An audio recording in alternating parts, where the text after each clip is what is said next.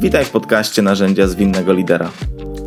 Poznasz tu praktyczne techniki i działania, które pomogą Ci efektywnie pracować w roli lidera zespołów IT. Zapraszam. Leszek Piątek. Dziś drugi odcinek z serii Pierwsza praca jako project manager Scrum Master w IT. Odcinek, w którym opowiem o drodze od podjęcia decyzji, że chcę dołączyć do IT, aż do tworzenia CV i pierwszych rozmów rekrutacyjnych, którym poświęcę odcinek trzeci. I jeżeli przeczytaliście już jakieś artykuły na ten temat, czy jesteście gdzieś na początku tej drogi, możecie się zastanawiać, po co w ogóle poświęcać temu odcinek i dlaczego on jest taki długi, bo ten odcinek pewnie będzie trochę dłuższy niż kilkanaście minut, skoro ta droga jest y, tak prosta. Bo jeżeli by spojrzeć na artykuły, szczególnie z takich bardziej mainstreamowych portali, nie mówię tutaj o blogach pojedynczych, indywidualnych specjalistów, no to ta instrukcja do tego, żeby zostać Scrum Masterem jest banalnie prosta. Przyjdź na dwudniowe, jednodniowe czasami szkolenie, zdaj certyfikat i wysyłaj CV. Generalnie świat IT, wielkie pieniądze, kariera leżą tuż pod Twoimi nogami, wystarczy się po nie schylić. Dodatkowo informacja, że instrukcją pracy Scrum Mastera jest kilkanaście stron takiego przewodnika po skramie, no to kto by nie ogarnął kilkunastu stron, zwłaszcza jeżeli takie mam perspektywy. Do tego nie muszę się kompletnie znać na technologii i nie mam żadnej odpowiedzialności za to, co robi mój zespół. Brzmi jak praca marzeń, która jest do tego tak prosta, żeby ją rozpocząć, że to nic tylko przyjść na to dwudniowe szkolenie. Podobnie w rozpoczynaniu pracy jako project manager. Nauczę się i zdam jakiś certyfikat Prince czy Agile PM na przykład, Moimi zadaniami jest to, żeby pytać zespół o status, ten status przekazywać komuś innemu, przekazywać wiadomości od zespołu do klienta, zrobić parę dokumentów, kontrolować kto co robi, a zespół zrobi robotę. Brzmi jak banał, pieniądze całkiem przyjemne, nic tylko zaczynać. I najlepszym porównaniem, które przychodzi mi do głowy, gdy myślę o drodze, o której zaraz Wam opowiem, a drodze, która jest reklamowana przez te mainstreamowe szkolenia. I żeby było jasne, nie oceniam drogi takiego, można powiedzieć, wejścia szybkiego do zawodu. Drogi, która w dużym uproszczeniu polega na zrobieniu certyfikatu, krótkiego szkolenia i aplikowaniu. Jednocześnie taka droga kojarzy mi się z taką kolejką na Kasprowy w Kuźnicach. Jeżeli byliście, to wiecie o czym mówię. Jest zazwyczaj bardzo długa kolejka do tego, żeby wjechać wagonikiem na górę. I jakby w tym tłumie ludzi co parę minut kilka, kilkanaście osób wskakuje do tego wagonika. Jednocześnie po lewej stronie od tej kolejki jest wejście na szlak. Alternatywą do tego czekania w bardzo dużym tłumie i liczenia na to, że to Wam uda się wskoczyć do wagonika, że być może to Was e, hiring manager zauważy i zatrudni jako juniora, jest właśnie wejście na szlak, które tu akurat gwarantuje to, że to będzie droga, która potrwa dosyć długo. To będzie droga cały czas mniej lub bardziej pod górę, mimo tego, że satysfakcjonująca i z dobrymi widokami, to jednak droga, która będzie Was kosztować zarówno czas, jak i wiele energii. I jednocześnie wchodząc na szlak, jakby gwarantujecie sobie, że nawet jeżeli nie dotrzecie na ten szczyt, to przynajmniej dużo zobaczycie, pewnie nauczycie się też wiele o sobie. Przede wszystkim w mojej osobistej ocenie, jeżeli to naprawdę jest ścieżka dla Was, to dojdziecie na górę. Co też ważne, wejście na szlak nie wyklucza tego, że będziecie gdzieś robić sobie jakieś szkolenia, gdzieś zdawać certyfikaty, czy szukać od razu pracy. Jakby to, to jedno drugiemu nie stoi na przeszkodzie. Wierzę natomiast w to, że samo stanie w kolejce, liczenie na to, że to Wam się poszczęści, dla mnie osobiście byłoby to za mało. Od czego więc ja bym zaczął? Po pierwsze i najważniejsze, znajdź swoje dlaczego. Samo w sobie dlaczego, które mówi o tym, że chce zarabiać więcej pieniędzy, jest to zapewne za mało. Jest to na pewno wystarczająco, żeby zmotywować się do przeczytania kilku artykułów. Natomiast czy jest to wystarczający motywator, żeby wytrzymać 3, 6, 9, 12 miesięcy regularnej pracy? Mówię o pracy jeszcze przed podjęciem pracy, oczywiście. Takiej pracy równolegle z waszymi aktualnymi obowiązkami, pracy samorozwojowej, pracy ze sobą, pracy budowania relacji z innymi. Uważam, że nie jest to możliwe. Że same pieniądze nie zmotywują was do tego tak bardzo, żeby na tej ścieżce wytrzymać. Dlatego to takie dlaczego. I to dlaczego bardzo konkretne, jeśli chodzi o te role. Im bardziej skonkretyzowane, tym lepiej I najlepiej, żeby to było dlaczego, które dotyka Waszych wartości, tego, co dla Was ważne. Po drugie, jak będziesz wiedział, wiedziała, dlaczego w ogóle chcesz iść w tę stronę, poznaj rolę. Jeżeli słuchasz tego podcastu, zapewne znasz role, na których dzisiaj najbardziej się skupiam. Natomiast zanim pójdziesz w tę stronę, zapoznaj się z tym, jakie inne są jeszcze role w IT. Scrum Master i Project Manager to nie są jedyne role w IT. Scrum Master i Project Manager to nie są jedyne liderskie role w IT, w takim liderstwie najczęściej służebnym. Scrum Master i Project Manager to nie są jedyne role w IT, do których nie potrzeba umiejętności programowania czy znajomości, bardzo głębokiej znajomości jakiejś technologii. Są role takie jak Business Analyst, są role takie jak UX, UI Designer, są role testerskie, są wreszcie role bliżej technologii, które być może szybciej i łatwiej będzie Wam osiągnąć niż role Project Managera czy Scrum Mastera, na przykład jakiegoś specjalistę od e, manage serwisu, być może jakiegoś junior specjalista od baz danych, być może jakiegoś junior programistę nawet, czy testera automatyzującego. Tych ról jest naprawdę wiele, więc polecam, zanim wejdziesz na tę ścieżkę, rozejrzyj się. Może coś innego podpasuje ci bardziej, może coś innego cię zainspiruje. Na samym początku też to, co bardzo polecam, to rozejrzenie się wśród Waszych znajomych i porozmawianie z absolutnie każdym, który ma cokolwiek wspólnego z branżą IT, z wytwarzaniem oprogramowania, w ogóle z szeroko pojętym IT. To jest naprawdę kopalnia wiedzy. Praktycznie każdy uwielbia opowiadać o sobie, o swoich sukcesach, być może o tym też, co go irytuje lub denerwuje, co go inspiruje w swojej pracy zawodowej. Skorzystajcie z tego. Absolutna kopalnia wiedzy. Pamiętam, że gdy ja szukałem pierwszej pracy jako project manager właśnie w IT, rozmawiając z bardzo wieloma osobami, które wtedy zajmowały się wytwarzaniem oprogramowania, bliższych i dalszych znajomych, pamiętam, że każdemu gdzieś w tej rozmowie wplatałem takie pytanie: kim dla ciebie jest dobry project manager? I z drugiej strony, co cię najbardziej denerwuje u twojego project managera? I absolutnie szczerze użyłem tej odpowiedzi na jednej z rozmów rekrutacyjnych i absolutnie szczerze wchodząc do mojego pierwszego zespołu, korzystałem z tej wiedzy, mając taki punkt odniesienia, czego pewnie nie warto robić. Jeśli chodzi o takie wstępne kroki, które myślę, że warto wykonać, to jest generalnie poznać siebie. No mówiłem o tym dlaczego, powiedziałem też o tych rolach. Warto poznać siebie, warto odbić jakby swoje wyobrażenie o sobie w oczach innych osób. Warto odbić jakby własne motywacje, być może to jest część tego poszukiwania dlaczego, być może w jakichś e, testach osobowościowych. Warto dotrzeć do tego, w czym jesteśmy dobrzy. I to tak obiektywnie patrząc. W czym jesteśmy dobrzy w oczach innych, czyli subiektywnie patrząc. Są dwa takie, można powiedzieć, kierunki, czy też podejścia do kwestii mocnych i słabych stron. Jeden mówi pracuj nad słabymi stronami, bo mocne i tak masz mocne. Drugie mówi skupiaj się tylko na mocnych stronach, nie możesz być dobry we wszystkim. Jestem zwolennikiem tego drugiego kierunku. Jeżeli wam też jest to bliskie, złapcie te swoje mocne strony i na nich oprzyjcie swoją drogę. Dobrze, jeżeli już można powiedzieć, że wiecie dlaczego, wiecie gdzie, przetarliście sobie taki szlak, można powiedzieć, jeśli chodzi o swoich znajomych, wiecie jak to wygląda tak na pierwszej linii, taka prawdziwa codzienna praca, co zrobić dalej, jak już wyjść, można powiedzieć, bardziej w świat. Miejsce, w którym branża IT, jeśli chodzi o rekrutację, żyje najmocniej w dniu dzisiejszym, to jest LinkedIn. Jeżeli nie macie jeszcze konta na LinkedInie, załóżcie je dosłownie dzisiaj. I niech was nie przytłoczy to, że zobaczycie konta osób, które być może nawet znacie, którzy mają setki bądź tysiące osób w swoim, no właśnie, linku, które mają masę potwierdzeń umiejętności, które mają ileś już rekomendacji. Na LinkedInie to jest coś, co się buduje przez lata często. Natomiast kiedyś trzeba zacząć. Zacznijcie tak szybko, jak się da. Generalnie w branży IT praktycznie każdy ma konto na LinkedInie. Co natomiast na tym LinkedInie warto, że tak powiem, robić, gdy się to konto założy? Na pewno warto dodawać ludzi z branży, na pewno warto obserwować ludzi, którzy coś ciekawego, branżowego mają do powiedzenia. Da wam to nawet taki, takie złapanie słówek, takie obycie się z tym klimatem.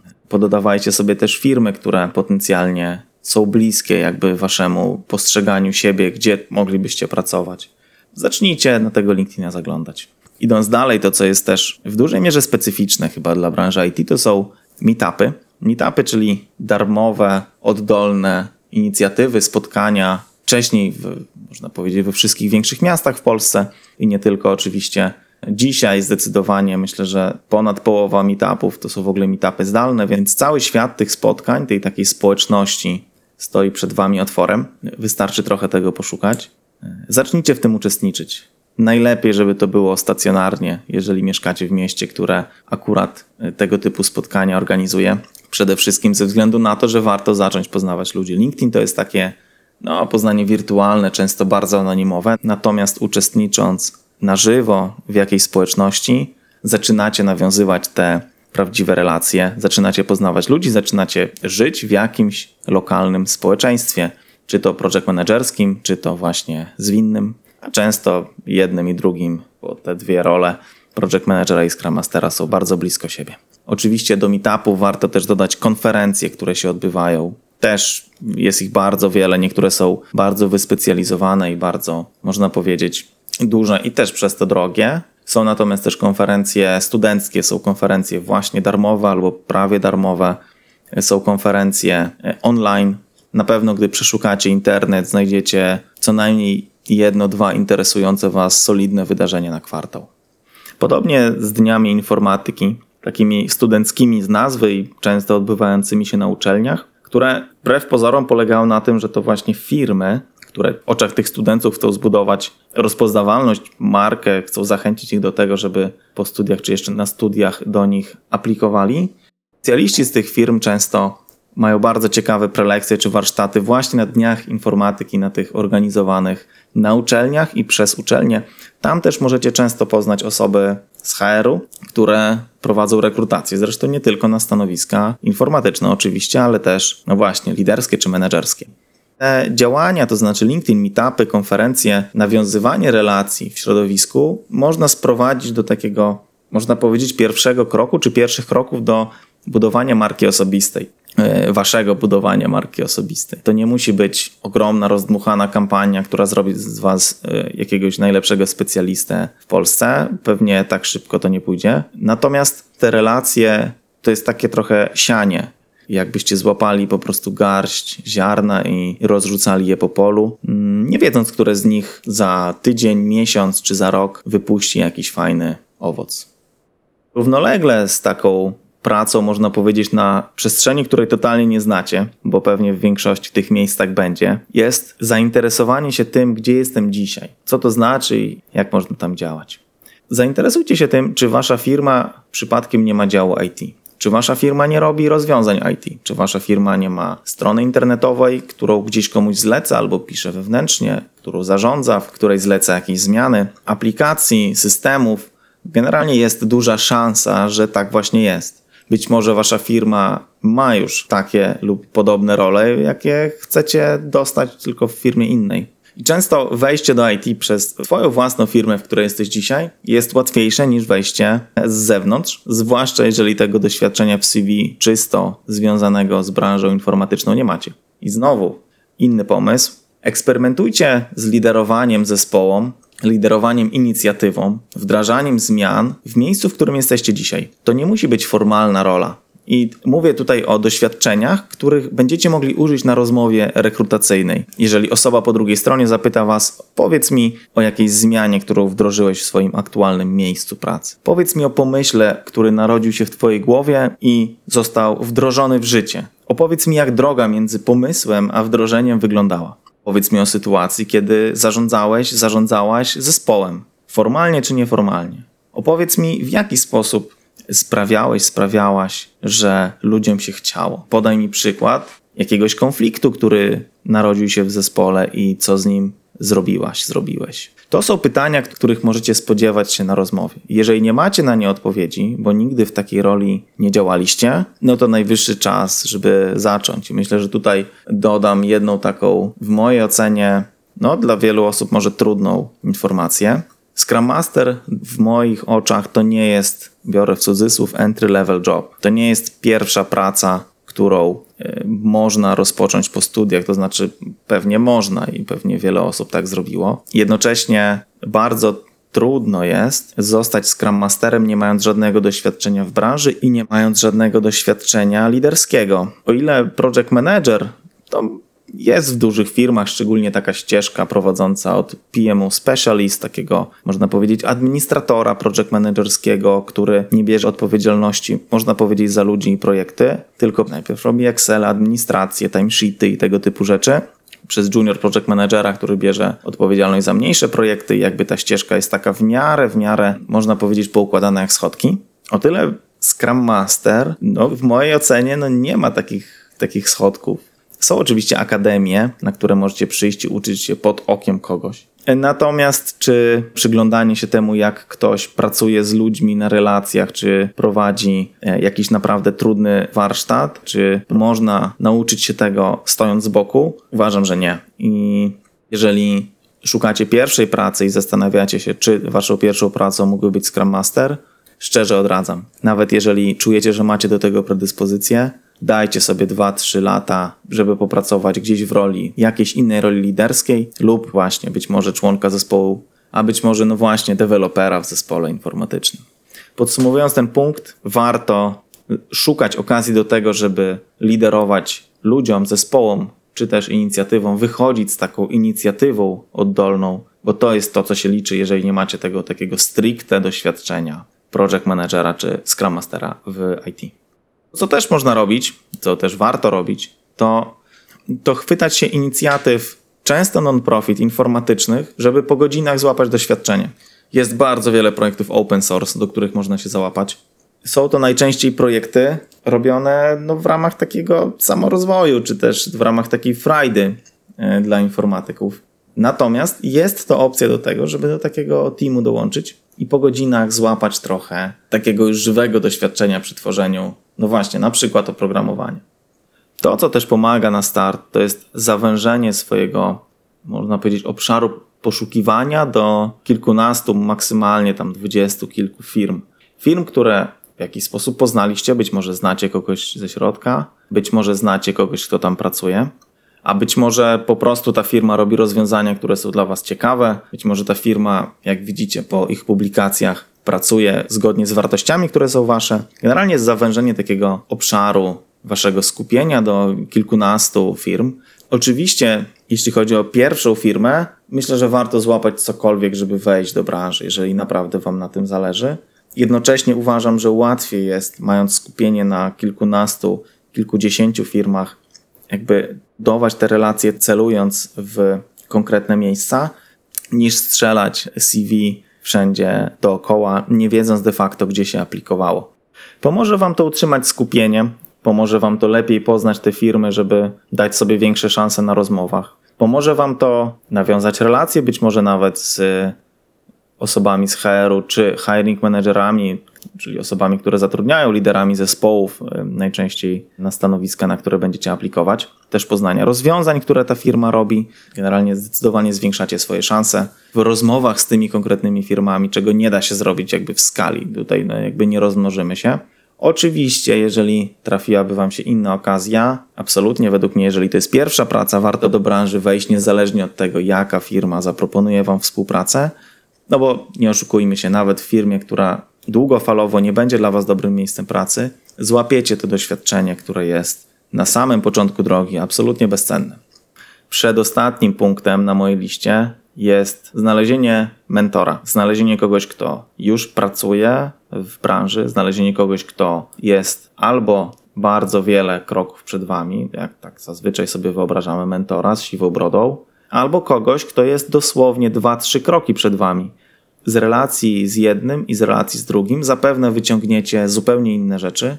Natomiast myślę, że nawet to drugie, czyli osoba, która być może jest jeszcze na stanowisku juniorskim albo e, robi rzeczy, które się robi po roku, dwóch w branży, ona jeszcze bardzo dobrze pamięta ten swój moment wejścia, pamięta swoje wątpliwości, pamięta swoje trudności, które ją spotkały na tej drodze, więc i jedna i druga osoba jest dla mnie kimś, kogo nazywam mentorem. I jeżeli macie relację z taką osobą, absolutnie warto w te relacje inwestować, odbijać myśli, dzielić się tym, co jest dla Was trudne, prosić o radę i tak dalej, i tak.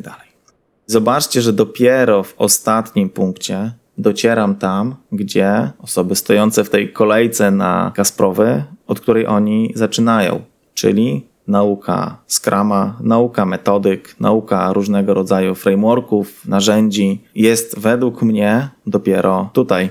Uważam, że bez tego całego fundamentu, bez fundamentu poznania siebie, bez fundamentu znalezienia swojego dlaczego i de facto rozważenia wszystkich możliwych ról, które są w branży, bez zbudowania relacji, czy to tych online, czy to tych przede wszystkim nie online, według mnie to jest takie trochę znowu sianie, ale po polu, które jakby, no wiecie, no nie wygląda na żyzne i na pewno oni nie zadbaliście. Dla mnie to wszystko jest takim właśnie budowaniem na naprawdę dobrym fundamencie, w dużej mierze na fundamencie właśnie relacji. I o ile w rolach takich czysto technicznych czy specjalistycznych można powiedzieć, że nie jest to tak kluczowe, jakby no w rolach typu e, no właśnie programista, DevOps liczą się najbardziej umiejętności techniczne. Natomiast jeżeli idziecie ścieżką lidera, przyszłego lidera zespołów, a omijacie krok budowania relacji, sprawdzania siebie w takiej niepewności, w którą się wprowadzacie w tych krokach, wychodząc na przykład do innych ludzi na meetupach czy konferencjach, mówiąc: Słuchajcie, jestem nowy i nie bardzo coś wiem. Jeżeli nie wstawiacie się w takich sytuacjach na sucho, trochę testując siebie jeszcze zanim się zdecydujecie na wejście w taką rolę, to trochę też wasza praca będzie wyglądała jak pierwszy krok w tym kierunku. Według mnie to jest bardzo duże ryzyko. Jako ryzyko mam na myśli to, że może to totalnie nie jest dla was. Jeżeli słuchaliście chociaż kilku podcastów, to już wiecie, że w branży IT jest bardzo wiele niepewności. Mówiłem o na przykład wchodzeniu do nowego zespołu i o tym, jakie tam są wyzwania. Uważam, że warto przed wejściem w taką rolę po prostu sobie to na sucho poćwiczyć. Wracając do tego mojego ostatniego punktu, czyli nauka Scrama, metodyk, różnego rodzaju frameworków i narzędzi. Jest bardzo wielu dobrych specjalistów na polskim rynku, jest bardzo wiele darmowych materiałów, które są naprawdę na wysokim poziomie. Akurat tutaj no nic tylko korzystać. I oczywiście jest też wiele płatnych szkoleń. Jeżeli widzicie w nich wartość, też warto z nich korzystać. Jednocześnie pamiętając, że zazwyczaj Dwudniowe szkolenie nie przygotuje Was do tego, żeby naprawdę pracować z ludźmi, zarządzać zespołami, dowozić czasami naprawdę bardzo trudne, duże i skomplikowane projekty czy produkty. W dużym skrócie to tyle na dziś. Mówię w dużym skrócie, gdyż mam wrażenie, że tylko dotknąłem tych tematów i to też nie wszystkich, które warto rozważyć, planując swoją pierwszą drogę do pracy Scrum Mastera czy Project Managera w branży IT. Ciekaw jestem oczywiście Waszych dróg i jeżeli macie dodatkowe rady, macie dodatkowe rzeczy, które u Was się sprawdziły, koniecznie się nimi podzielcie. Myślę, że wiele osób będzie Wam za to wdzięcznych. I trzymam kciuki za Wasze dobre decyzje i dobrze zainwestowany czas. W trzecim odcinku z serii powiem, co według mnie liczy się w CV osoby, która aplikuje na stanowiska Project Managera i Scrum Mastera, a nie ma bezpośrednio takiego doświadczenia. Powiem, jak przebić się przez HR, żeby dostać się na pierwsze rozmowy rekrutacyjne, a także jak do tych rozmów dobrze się przygotować i jakie pytania mogą tam paść. Dzięki, do usłyszenia. Cześć.